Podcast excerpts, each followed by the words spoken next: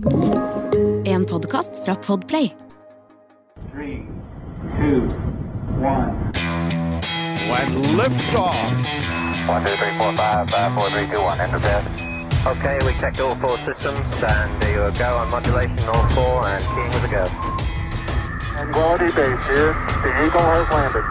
Velkommen til Romkapsel. Det var veldig tradisjonelt ordentlig. Veldig pent. Nils Johan Halvorsen heter jeg. På den andre siden av rommet der sitter Eirik Newth. Hei, Eirik. Hei.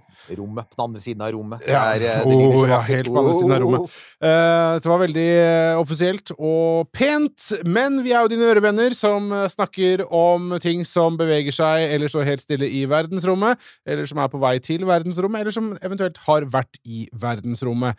Uh, nå er det vel mer på ting som kanskje skal, eller definitivt skal, til verdensrommet, for uh, det har slått meg at det er lenge siden vi har nevnt Werner von Braun. Sånn, da var det gjort. Ja, og han, det er mulig han gjør sin Han eh, dukker opp igjen i løpet av denne setningen. Ja, det er bra. Så, ja. For det er også en stund siden vi har nevnt Elon Musk. Og når jeg sier en stund, så er jo alt relativt. Ja, det er ikke så ca. fem siden. minutter siden. Men ja. Uh, men fordi der har det skjedd ting som vi er nødt Ja. til å snakke om. To ting. Det første er det som var Vi hadde en litt sånn intensjonsavtale som var sånn OK, jeg sa til deg at jeg kommer til å være på puben, men hvis han sier noe oppsiktsvekkende på denne updaten sin, han er godeste Elon, så uh, får du si, gi meg et lite ping, så, så, så uh, gjør vi noe på det umiddelbart. Mm. Men så blei det sånn at eh, det var kanskje ikke så Det var ikke så flashy, og det var ikke noe sånn Steve Jobsete over det. Nei. Uh, men hva Hva var det han altså, Så kan man jo tolke det. Det kommer an på hvem sine ører og hvem sine øyne man på en måte ser det Ja, gjennom. vi kan jo bare ta det. Altså, det var jo denne Det var jo ca. to og et halvt år siden han hadde hatt den siste oppdateringen om Starship-prosjektet. Ja. Uh, og, og, og, i og med at dette er et privat selskap, det er ikke NASA, så det er jo ikke sånn at de er pålagt å dele informasjon med publikum. Det er helt opp til Elon, som jo egentlig er, er Han er vel mer eller mindre enekontrollør, om ikke eneeier av SpaceX. Det er han vel ikke. Men han, han bestemmer jo informasjonsstrømmen der. Og hvis noen eh, lurer på det, eh, informasjonsavdelingen i SpaceX er hovedsakelig Elon Musks Twitter-konto. uh, og det er, det er ganske mange som har påpekt at det når, liksom sånn, når det oppstår en krise i en hule i Thailand, så skulle man ønske at SpaceX hadde hatt en informasjonsavdeling. Men, eh, men det, er noe, det er nå hva det er, og derfor så ventet man på hva skal Elon si nå. Mm. Og han, han gikk jo da på scenen, eh, og igjen sånn litt sånn dramatisk. Forrige gang han gjorde det, så sto det en mock-up av et Starship eh, der. Altså det var, det var et sånn sammensveisa Du kunne se bulkene i, i, i metallet. Denne gangen så var det det som da Det var en fullmontert Starship, altså Booster 4, som det heter. Booster 4.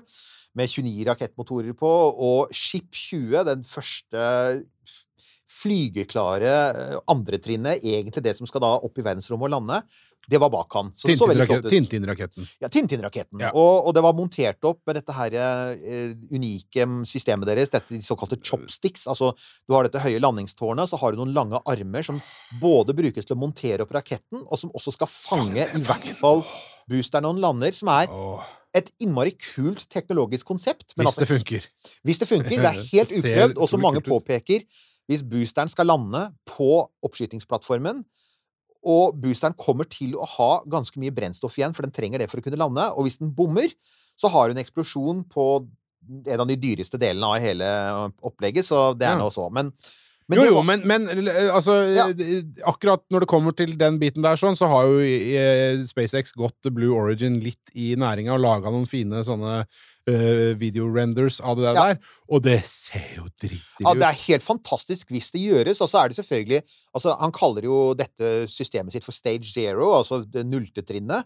for fordi at det er en mye mer sånn aktiv del av oppskytingen enn tradisjonelle oppskytingsplattformer, som egentlig bare har vært passive plattformer som tar imot rakettflammen, og som, eh, og som holder ting på plass til det liksom skal skytes opp. Så, så hvis det lykkes, så, det jo, så kan det spare kompleksitet på selve romskipet, fordi at du slipper å ha utfellbare landingsbein, sånn som Falcon 9 har nå. Det sparer masse, selvfølgelig, altså, eller vekt, og det er, det er viktig. Alt du kan spare av vekt, for igjen, landingsbein veier ganske mye. Du skal jo tross alt tåle mange hundre tonn med, med romskip som skal liksom sånn blam, lande. Så ja, du slipper det. Ulempen er, som da folk påpeker, at uh, det er et ekstremt kostbart system. Så den tanken som Musk har hatt om at det skulle fly Starships overalt på jorda, lande på vanlige flyplasser, den faller jo bort med dette systemet. Den, Den, dette blir for den typen oppskytinger som skal skje veldig raskt, sånn rapid reusability. Lande, fanges med chopsticks, settes forsiktig ned på plattformen, fylles med brennstoff, fange topptrinnet, lande, fanges med chopsticks, settes på toppen av boosteren, og så opp igjen i løpet av noen timer. Det er jo planen her. Men igjen, er, vi er veldig langt unna det, altså. Og det, det kommer jo egentlig tydelig fram i løpet av presentasjonen. Ja, for det har uh, Altså, det har vært litt trøbbel. De har møtt på problemer av, forskje av Ja. forskjellige art, egentlig, for, for Elon Musk og hans uh, totale operasjon uh, for tida. Ja, altså Den ene er jo denne administrative greia, og det er jo at de må ha en miljøgodkjenning fra det amerikanske luftfartsverket, altså Federal Aviation Administration, og det er en sånn derre øh, ja, eh, miljøgjennomgang. Og det er jo ikke så rart, fordi Boca Chica, Texas, eh, det er et helt nytt område for oppskyting av raketter. Det er jo det. Det er, et, det er jo et område med natur i nærheten som man gjerne vil beskytte. Og, og ja, og, og for ikke å forglemme Starship, når det er sånn full stack med både booster og romskip på toppen, er dobbelt så tung og kraftig som Saturn 5. Det er den hinsides alle andre raketter i størrelse. Og ikke minst, eh, modellen til SpaceX er å la raketter eksplodere under oppskyting for å lære. Så den der rapid uh, unscheduled disassembly, RUD-greia, veldig kul når den skjer med mindre raketter, men når det skjer med en rakett som eksploderer med samme kraft som en liten atombombe, så kan jeg si at da, da kommer myndighetene på banen og sier Er dette trygt, nummer én, for mennesker? Uh, nummer to Nei. Uh, ikke sant? Er det trygt for, for det er jo et miljø, det er jo en liten by i nærheten. Eh, og nummer to, er det trygt for miljøet? Så derfor så har de måttet gå gjennom alt dette. Og planen var at de skulle vært ferdig ved nyttår. Det skjedde ikke. Nå så var planen at de skulle være ferdig 28. februar. Det skjedde ikke. Nå sier de slutten av mars. Uh, og det, uh, det er helt tydelig at SpaceX nå har begynt å tenke i retning av at uh, det er ikke engang sikkert at de får godkjenning. Det er jo ikke garantert, ikke sant? Nei, det er det vel er det vel sikkert ikke, men på den annen side så Ja, altså, for å si det sånn, da, sånn, Nils mm. Det finnes en, en serie med scenarioer der det ene er at de får full godkjenning og bare kan gønne på. Det andre er at de får totalt nei, hvor de sier at dette, vi føler at de ikke tilfredsstiller kravene. Det tredje, som ganske mange regner som ikke helt usannsynlig, det er at de får tillatelse, men det er f.eks. begrensninger på det. Det er begrensninger på hva de kan gjøre, hvor ofte de kan skyte opp, f.eks. Eller myndighetene kommer tilbake og sier før dere kan sende opp den store raketten, så, så altså, dere får lov til å fortsette å teste eksperimentelt med småting, men før dere sender opp den store raketten, så må vi gå enda noen runder. Og et tegn som tyder på at SpaceX har forberedt seg litt på den muligheten, det er at de nå faktisk er i gang med å bygge infrastrukturen for oppskyting fra Cape Canaveral. For der Ja. har de godkjenning til å skyte ja, opp kjemperaketter. ja, okay. Ja, Så, nettopp. så de har tillatelse til å gjøre det fra Cape, og Cape har skutt opp kjemperaketter før. Saturn 5. Mm. Så, så, så det, men, det Men det er klart, da kommer vi tilbake til dette med tiden. Så best case her, for det er folk veldig opptatt av. Når får vi se den første oppskytingen til bane? Eh, best case er to måneder etter godkjenning, var det han sa. eh, a couple of months. Eh, da snakker vi om altså slutten av mars, slutten av april, slutten av mai. Det er best case. Hvis juli en gang, kanskje? Juli, kanskje. Det er hvis de får godkjenning fra Boca Chica. Eh, men hvis de må flytte til eh, Cape. Cape Canaveral, så må jeg minne om at SpaceX, SpaceX er ikke NASA. De har begrensa med penger, de har begrensa med folk. Da må de flytte masse mennesker og mye, mye teknologi Ja, for da må de flytte hele infrastrukturen sin fra De må egentlig evakuere Ja, Boca Chica og, og flytte skjer- alt til Florida. Ikke sant. Det som da skjer, er at Boca Chica i så fall blir Og det, det sa han mer eller mindre at de hadde tenkt å gjøre uansett. Boca Chica blir en eksperimentell base hvor de gjennomfører tester. Men operasjonell drift, altså daglig drift av Starship-systemet, vil da foregå fra, fra Cape Canaveral.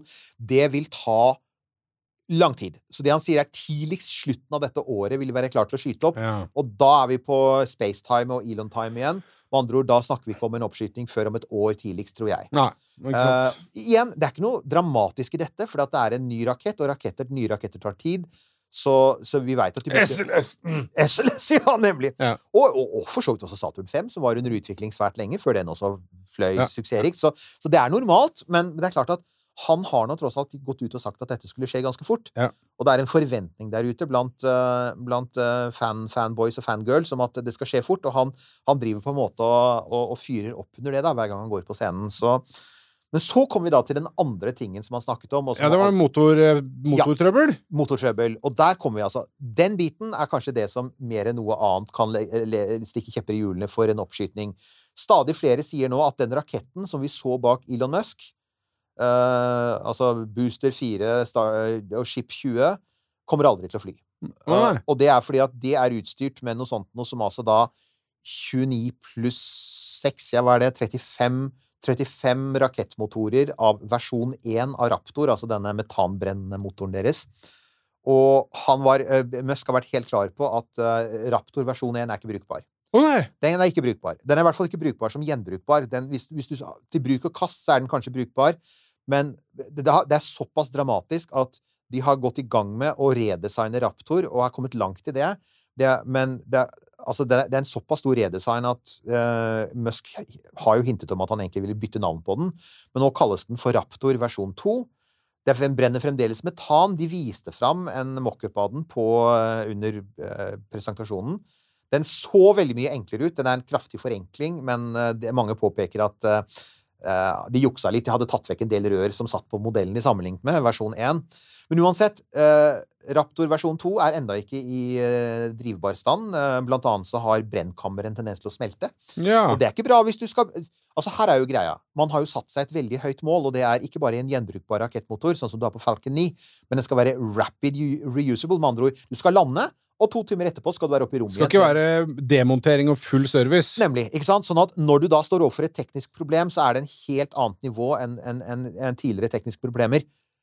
Motorproblemer er vanlige. Og her kommer vi da til eh, Werner von Braun-øyeblikket vårt. Det er eh, Da, da, da. det, måtte jo komme. Vi, har, vi, har, vi har forsømt oss. Eh, under utviklingen av Saturn 5 så oppstod det jo faktisk et kjempeproblem med motoren på førstetrinnet, F1, som jo er verdens største, kraftigste motor av sitt slag. For NASA gikk jo for en modell hvor de istedenfor å ha sånn 30 raketter, så, rakettmotorer, sånn som Elon Musk sier, så gikk de for å ha bare fem kjempemotorer. Og, det, og da, da skalerte de opp en tidligere modell, og når du skalerer opp ting, så, så er, fungerer ikke Ja, det er ikke alt som lar seg skalere like bra, og det man da det problemet man fikk med F1-motorene, var annet at man fikk det, det man kalte for forbrenningsinstabiliteter, som i praksis betydde at F1 hadde en tendens til å eksplodere. Og det ønsker du ikke! Å, jeg liker de der fine navna. Ja, ja. Ja, en, vi har en forbrenningsinstabilitet som kan så- føre til en eh, to, rask, eh, ureglementert eh, demontering. Og det tok jo da Det tok jo da flere år før de klarte å løse det. De klarte å løse det og, og, og fikse det med å sette inn noen sånne, der, eh, sånne små plater i brennkammeret og, og en del andre sånne fikse ting. Og, det var blant annet på grunn av eh, ledelsen til Werner von Braun. Han var med og tok tak i det og bare sa dette må vi få til, fordi vi kan bare glemme å komme oss til månen uten at F1-motoren fungerer. Så Ja. det var også et sånt eksempel på at den mest komplekse delen, for det er det det er, den mest kompliserte delen av en rakett er alltid motoren. Det er den som er utsatt for mest trykk, og det er den som liksom skal tåle mest. Og, og forskjellen på F1-problemet med Saturn 5 og selvfølgelig eh, Raptor versjon 2, det er nummer én eh, SpaceX har ikke et stort team av romnazister. Det hadde, jeg tror de hadde trengt noen romnazister nå. Du skal ikke undervurdere verdien av romnazister, altså. Den Nei, nei, er ganske nei. åpenbar. Så, og det andre, selvfølgelig, det er at den skal være raskt gjenbrukbar. Ja. Det skulle ikke F1. F1 var bruk og kast. Eh, F1 var bruk og kast i den grad at det ligger masse F1-motorer utafor Florida. Mm. For noen år siden så var jo Det var jo eh, så, da, Den gangen folk fremdeles eh, tolererte synet av Jeff Bezos, så reiste jo han ut med en, en sånn der eh, båt med sånn eh, undervannsdrone, og så fant han jo faktisk F1-motorene som fløy opp med Apollo 11. Oh, ja, Så han, ja. han, han hanka jo dem inn. Ja. Så, men de ligger fremdeles, av de av dere som liker dyphavsdykking, det ligger fremdeles en haug med F1-motorer utenfor eh, Cape. Ja. Så, så ja eh, det, Hva skal vi si? Jeg tenker at eh, vi er på et litt sånn usikkert sted når det gjelder eh, Og det er det som veldig mange også sa etter den presentasjonen. Sa den startet med den vanlige Elon Musk-praten om hvor viktig det var å reise til Mars. Han viste en innmari lekker generert, altså dataanimert film av hvordan en, en oppskyting skulle se opp, men han var veldig ullen på oppskytingstidspunkt. Så, Ja. Og han, han brukte ganske mye tid på å prate om det som i praksis er et fryktelig alvorlig problem. Altså, alle Men på den annen side så Ja. kan man jo si da til, eh, til eh, Elon Musks og SpaceX sitt forsvar, så kan man jo si at de har i det minste utviklingsproblemer.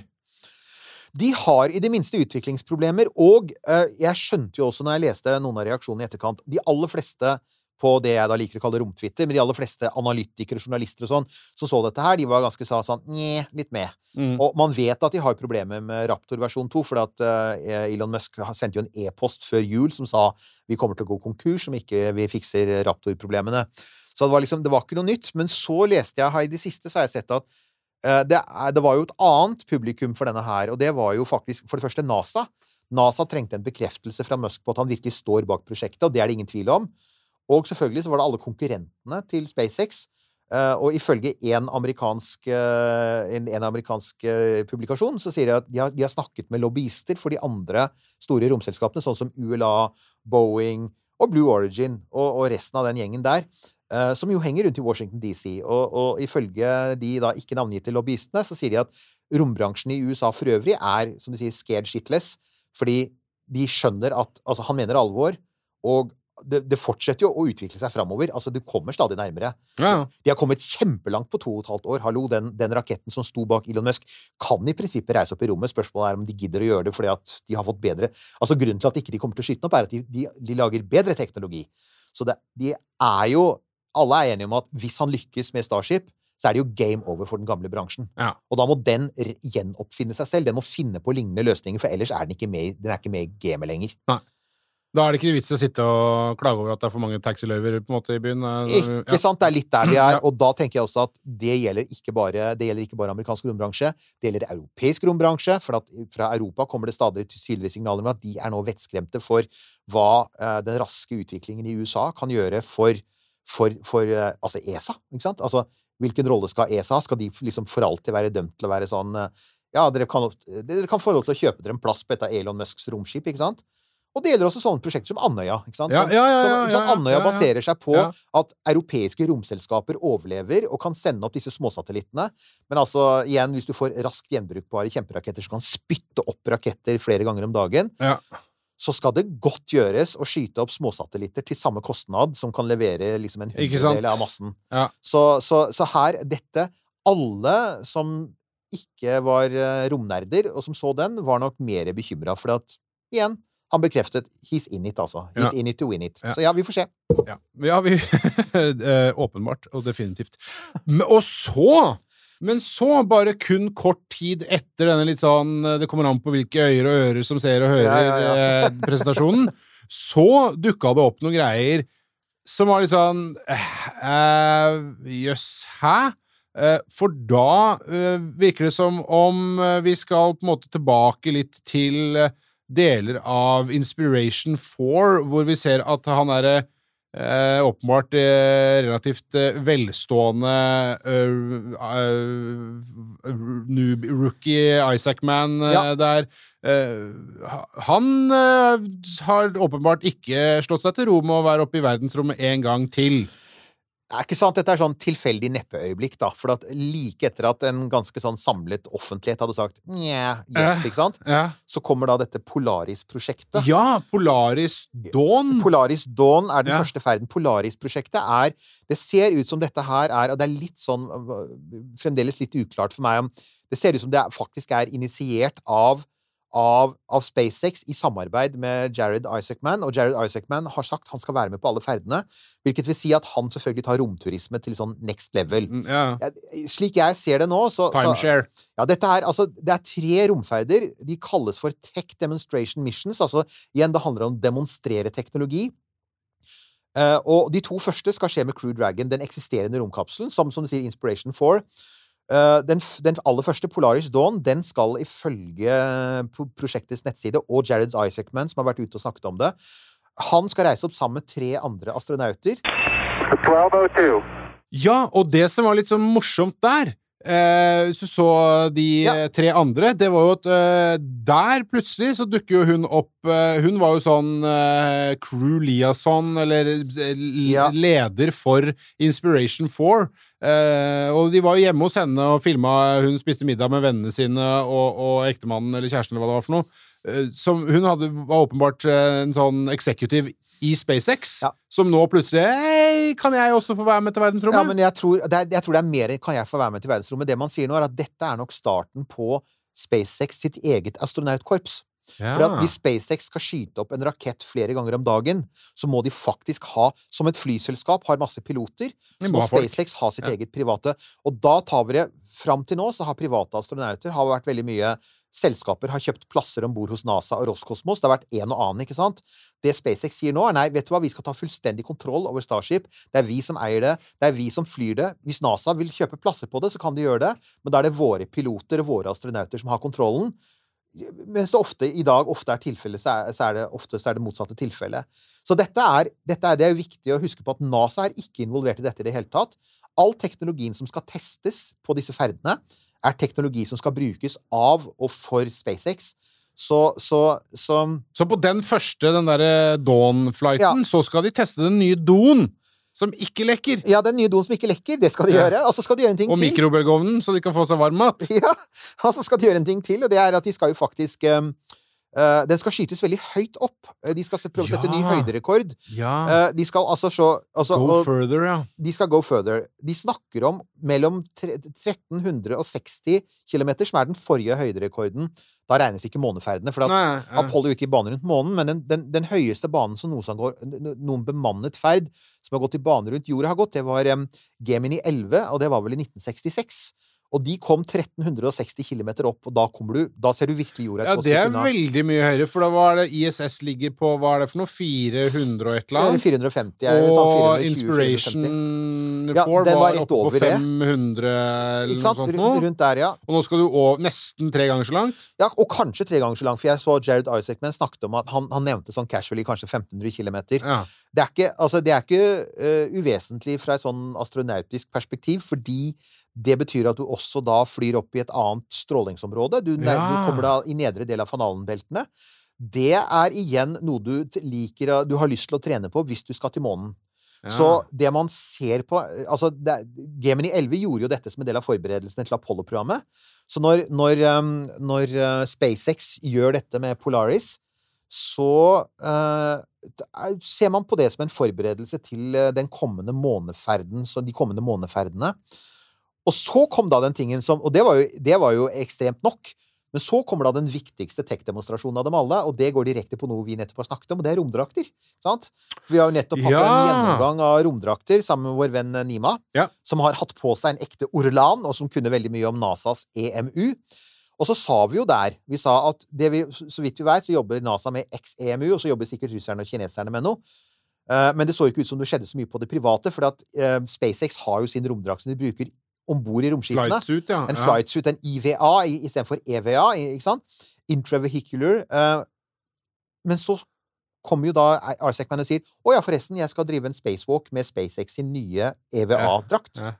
Men kan, kan, Og da skvatt folk. Ja, ja, og det skjønner jeg. La oss eh, skvette litt til etterpå. Jeg må bare komme med en liten sånn betraktning her. For dette, det her er sånn Det her virker som eh, at det er sånn Her har du en, eh, en supermilliardær, Elon Musk, som eh, sitter og drikker noe dyr konjakk sammen med en annen eh, kjemperik fyr. Bare ikke på langt nær så rik, men fortsatt eh, rik nok til at han ikke trenger å tenke på penger.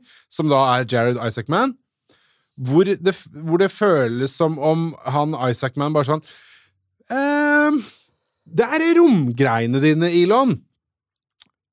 Kunne jeg Altså, kunne jeg blitt med på en lite sånn underbruk der og drevet med noe greier eh, ved siden av det du holder på med? Jeg skal betale, jeg, altså! Jeg har penger! Hvorpå, hvorpå Elon Musk sier ja, jeg har noen raketter, jeg, så go for it. Sånn føles det. Ja, altså, det, du er ikke alene om å si det. Altså, Scott Manley, som jo er veldig populær på YouTube og snakker mye om romfart, og som kjenner veldig mange i rommiljøet Han er jo ikke egentlig ja, altså, så- Men han kjenner veldig mange i miljøet.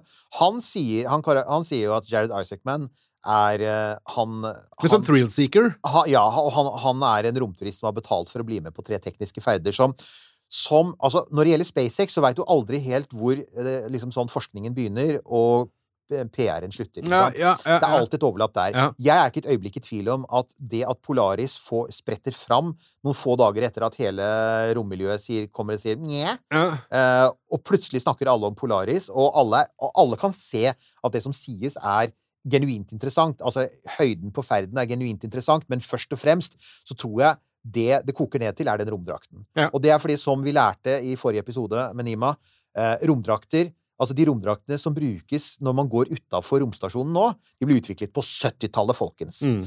Det, NASA har investert 1,3 milliarder dollar i den nye romdrakten som de skal bruke i de neste tiårene.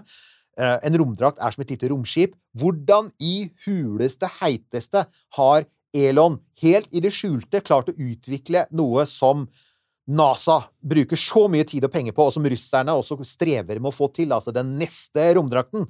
Og det enkle svaret er det har han jo ikke. nei, men nei, han, nei øh, det, det har han jo ikke, men på den annen side så så får jeg også litt sånn følelsen av at øh, Men herregud, det må da være enklere måter å gjøre det på.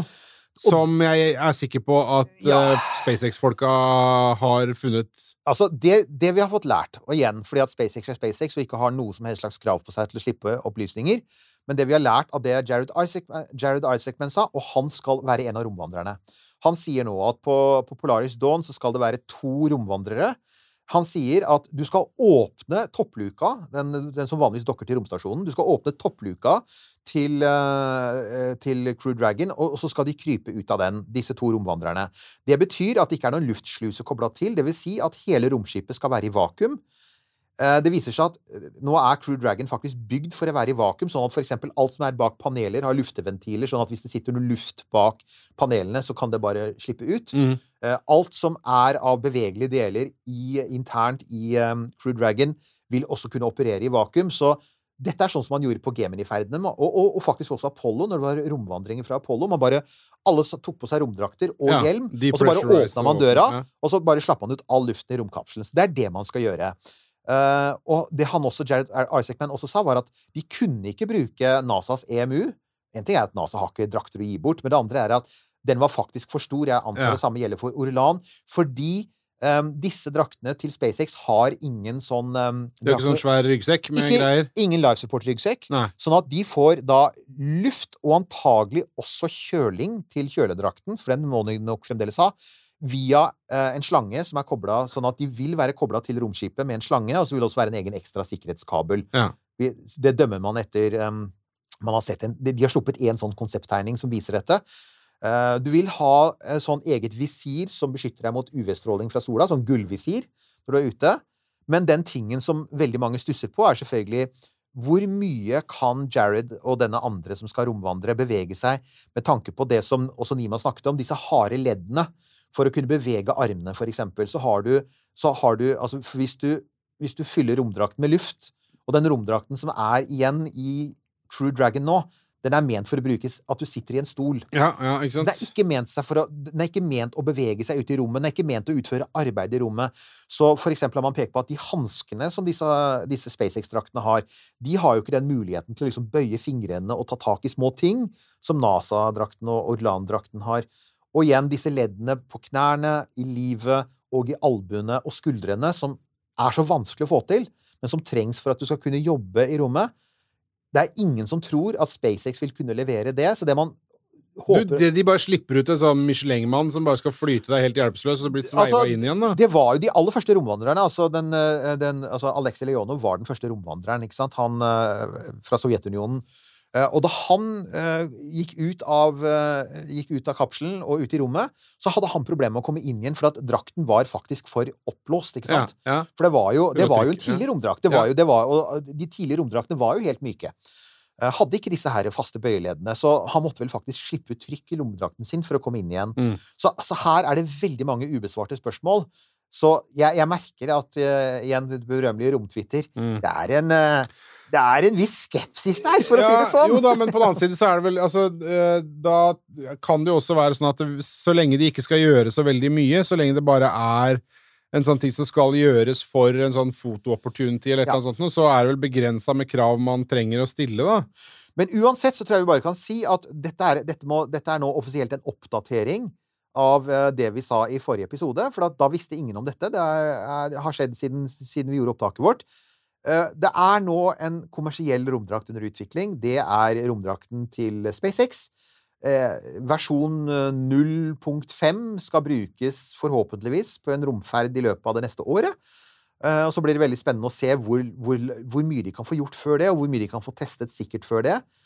Eh, og, og ikke minst hvor mange eksemplarer de kan få lagd av den. For igjen, ifølge Jared Isaacman, så skal altså alle om bord i romkapselen ha den samme romdrakten. Så de skal altså ikke bare lage én, de skal lage Ah. fire. Oh, ja. Så her er det mye som skal skje på kort tid. Og, og Jeg tror eh, hun kona til han Isaac Mann, som ser litt skeptisk ut uh, med rette i den Inspiration 4-dokumentaren, uh, hun blir ikke noe mindre skeptisk og nervøs nå. han var vel inne på det. Han sa du kjære Han hadde tatt en, tele, tatt en telefon, hadde han nok ikke. Men han hadde nok- nok med seg en ekstra stor blomsterbukett på Mm. Valentines. så, så Sjokolade. Den andre ferden, Polaris-ferden, den skal også skje med Crew Dragon. Den har man ikke egentlig sagt noen ting om, bortsett fra at den skal den skal prøve å løse alle de problemene man Eller altså, den skal basere seg på den første. Ja. Og alt det man, for eksempel det med romdrakten. altså Da kan man få testet alt det som ikke funka på den første, skal man eventuelt uh, få testa ut på den andre. Den tredje Polaris-ferden er ment å være den første bemannede ferden med Starship. Jared Oh. Isaacman skal, har sagt at han skal være om bord i det aller første sånn crew Starship. Oi! Og ikke bare det, han har også bekreftet, for folk har lurt på om For at alle er enige om at, at det, er, det, er, skummelt nok med oppskytingen, men den landingen, den der haleflippen, det er kanskje det skumleste av alt. For den har vi jo sett at i tre av fire tilfeller så har det eksplodert. Um, så det, det, det, et av spørsmålene som han fikk, var jo uh, Er det snakk om å gjennomføre en slags, en slags hybridferd hvor du skytes opp med Starship, men så lander du med Crew Dragon, som er et veldig sikkert romfartøy? Mm. Nei, sier han. Det er, eh, det, dette er all in. Og da, jo, da dukker det naturlige spørsmålet opp. eh, Og da, her kommer nok en oppdatering, folkens. Vi hadde jo for ikke så lenge siden en sak om Launch Escape Systems, redningssystemer, Ja. eh, på Starship. Og som var utgangspunktet var en av våre lyttere. Han spurte om hvorfor i all verden vurderer ikke SpaceX et redningssystem for Starship med tanke på at den har en tendens til å eksplodere. Oppdatering. Nå eh, har Elon Musk antydet at eh, det kan bli tale på det likevel. ja. Eh, og jeg tror de to tingene må ses i sammenheng. Når Jared Isaacman sier 'jeg skal være den første, en, av de første som flyr på Starship', eller skal være med på første bemannede Starship, noen dager før står Elon Musk foran denne mockupen og sier uh, 'Jeg uh, vurderer, vi vurderer i SpaceX å utstyre andretrinnet, selve den flygedelen, med klaffene og, varmeskjoldet, med tre ekstra rakettmotorer, altså øke fra seks til ni. Mm. Det øker skyvekraften, og det gjør det mulig, eventuelt, hvis det skulle skje noe galt med boosteren på vei oppover, å koble fra andre trinnet og bare skyve den vekk fra boosteren sånn i siste sekund. Så nå har han faktisk begynt å snakke om at de kanskje vurderer et redningssystem likevel. Noen forbehold å ta der, og det er nummer én eh, de har ikke romnazister. Eh, igjen, altså! Igjen, altså! Fader, Nummer, det er det. Men, Altså, men, men, men bare Ja, ja sorry, men, men altså Det er jo en helt annen greie å skulle ha et, et sånn escape-system på Starship som veier 300 000 milliarder tonn enn en bitte liten Det er akkurat det. Det var jo derfor NASA i sin tid ga opp alle planer om å ha et redningssystem for romferja. For romferja altså, og, og Starship veier jo faktisk Veier vel faktisk altså, Når den er fullt fueled, så veier den jo mye mer enn romferja. Det er vel sånn 200-250 tonn. Så, og, og alle som har sett uh, Challenger, veit at når en rakett eksploderer, så eksploderer den fort. Det skjer i løpet av et sekund, eller raskere. Uh, og, og, så det, det er to ting som kommer der. Nummer én, du må altså ta skyve 200 tonn av gårde på brøkdelen av sekund, kanskje. Og nummer to eh, altså De fleste rakettmotorer har litt sånn antenningstid. Mhm. Og sånne nødraketter har jo da gjerne hatt faststoffraketter, og de tenner umiddelbart. Altså Så snart liksom gnisten går, så bare dras du unna. Eller du bruker sånn hypergolisk brennstoff, sånn selvantennende brennstoff. tenner på et blunk. Um, F1, som vi nevnte, den som Werner var med på å redde, den hadde jo en, den hadde jo en startsekvens som varte i ti sekunder. Mhm. Altså ved sekund ni så er det ignition sequence started, og så starter en sånn symfoni av hendelser som liksom resulterer i oppskyting. Hvor rask Altså, Raptor version 2 blir til å tenne, Ja. er jo da helt avgjørende. For Ja. det hjelper jo ikke å ha et så, såkalt redningssystem dersom den f.eks. da bruker et halvt sekund på å tenne. For et halvt sekund kan altså da faktisk være forskjellen på, på liv og død. Ja, og i tillegg når det er såpass stort og tungt det som skal av gårde, så må jo det også ganske langt av gårde hvis det skal kunne komme ned igjen, eller altså, Det hjelper jo ikke om du det hjelper jo ikke om du kommer deg unna eksplosjonen, men du dauer i krasjen eh, fire meter unna. Ikke sant. Så jeg sier altså at, som vi vel sa forrige gang vi snakket om dette her, altså ingen vet hvor haren hopper, eller Elon Musk hopper. Nei. Nå har han, eh, altså nå har han overraska oss to ganger på rad. Først ved da å endelig besvare spørsmålet om det blir en romdrakt. Men det andre er altså at det ser ut som han har skifta mening i spørsmålet om, om eh, redningssystem. Så, så kanskje det bare er en sånn skinneøvelse som de veit ikke kommer til å funke, men de bare gjør det for å si at de har Det- prøvd. Det kan være, eller det kan være at han har hatt så altså forgrømmelig masse trøbbel med myndighetene gjelder godkjenning av miljøgodkjenning for oppskyting av Starship.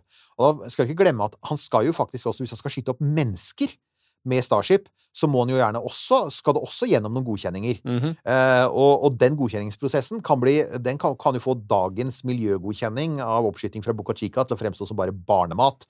Så jeg tenker at han også har begynt å foregripe det han veit vil komme, som er Ok, du skal skyte opp mennesker i disse eksperimentelle romskipene dine, og, og, og du skal sende mennesker til månen og Mars. Det kommer til å trenges en hel haug med ting. Du kommer til å trenge romdrakter, redningssystemer, mat, eh, energi, alle disse tingene. Jeg tror vi, det vi ser nå, er starten på den prosessen der. For at, hva er det amerikanerne sier? The shit is getting real. Vi begynner faktisk å nærme oss en oppskyting i løpet av det neste året av Starship. Og fra da av så skal den gå i rute. Ja. Eh, på tur opp og på turné, som det ble sagt i en eh, gammel eh, låt for mange år siden. Og det er det den skal. Den skal gå i rute. og ja Vi skal jo da Gjøre rute hvert kvarter. Ja, ikke sant? Stortinget her er plass til mange flere. Ja. Ikke sant? Og der, var det, der, der Bråten ikke vil, og der SAS ikke tør. Ikke sant? Lille hilsen til Widerøe. ja. Altså, Den skal jo gå som en sånn liten Widerøe opp og ned og danse mellom skyer og stråling, og alt dette skal bare funke. Ja. Så ja, eh, det gjenstår å se. Men igjen, da. Det er, jeg tror vi trygt kan si at um, om, om, om folk lurte på hvorfor det var blitt litt stille fra Elon Musk he, Baby, he's back. Han er tilbake i sentrum for spotlightet, og eh, nå kommer vi til å prate, eller nå kommer det til å prates masse framover om Altså, mens vi venter på at det skal skje noe med Starship, så kommer det til å prates masse om Polaris, og jeg, igjen, jeg tror det er en det er en strategisk uh, vurdering å si vet du, vi orker ikke, vi er så lei av at uh, det som snakkes om når det gjelder SpaceX, er Starship som bare aldri letter. De neste Det trekvart er en årene distraksjon. det er nå det, det, det også. Det er jo en teknisk uh, Jo, jo, Det er jo men- tekniske flighter, men helt klart. Eh, Polaris Dawn kommer på et veldig veldig beleilig tidspunkt, for nå kommer vi til å prate mye om eh, forberedelsene, og ikke minst spekulere rundt romdrakten og redningssystemet og alt det andre. Så, ja. Mm.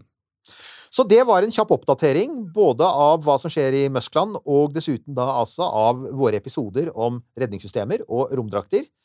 Dette er det som kalles for fanservice på fagspråket. Ja, this has been a public service announcement. Ja! Så! Men da er det igjen som vanlig. Det er jo stikke innom Facebook-siden vår, Twitteren vår, Instagrammen vår. .no. Og legg igjen beskjeder, tanker dere har om det som har vært sagt nå. Det pleier det ofte, særlig når det gjelder tidsskjema til Elon, så er det gjerne en del av dere som har litt meninger, og det er bare gøy. Mm.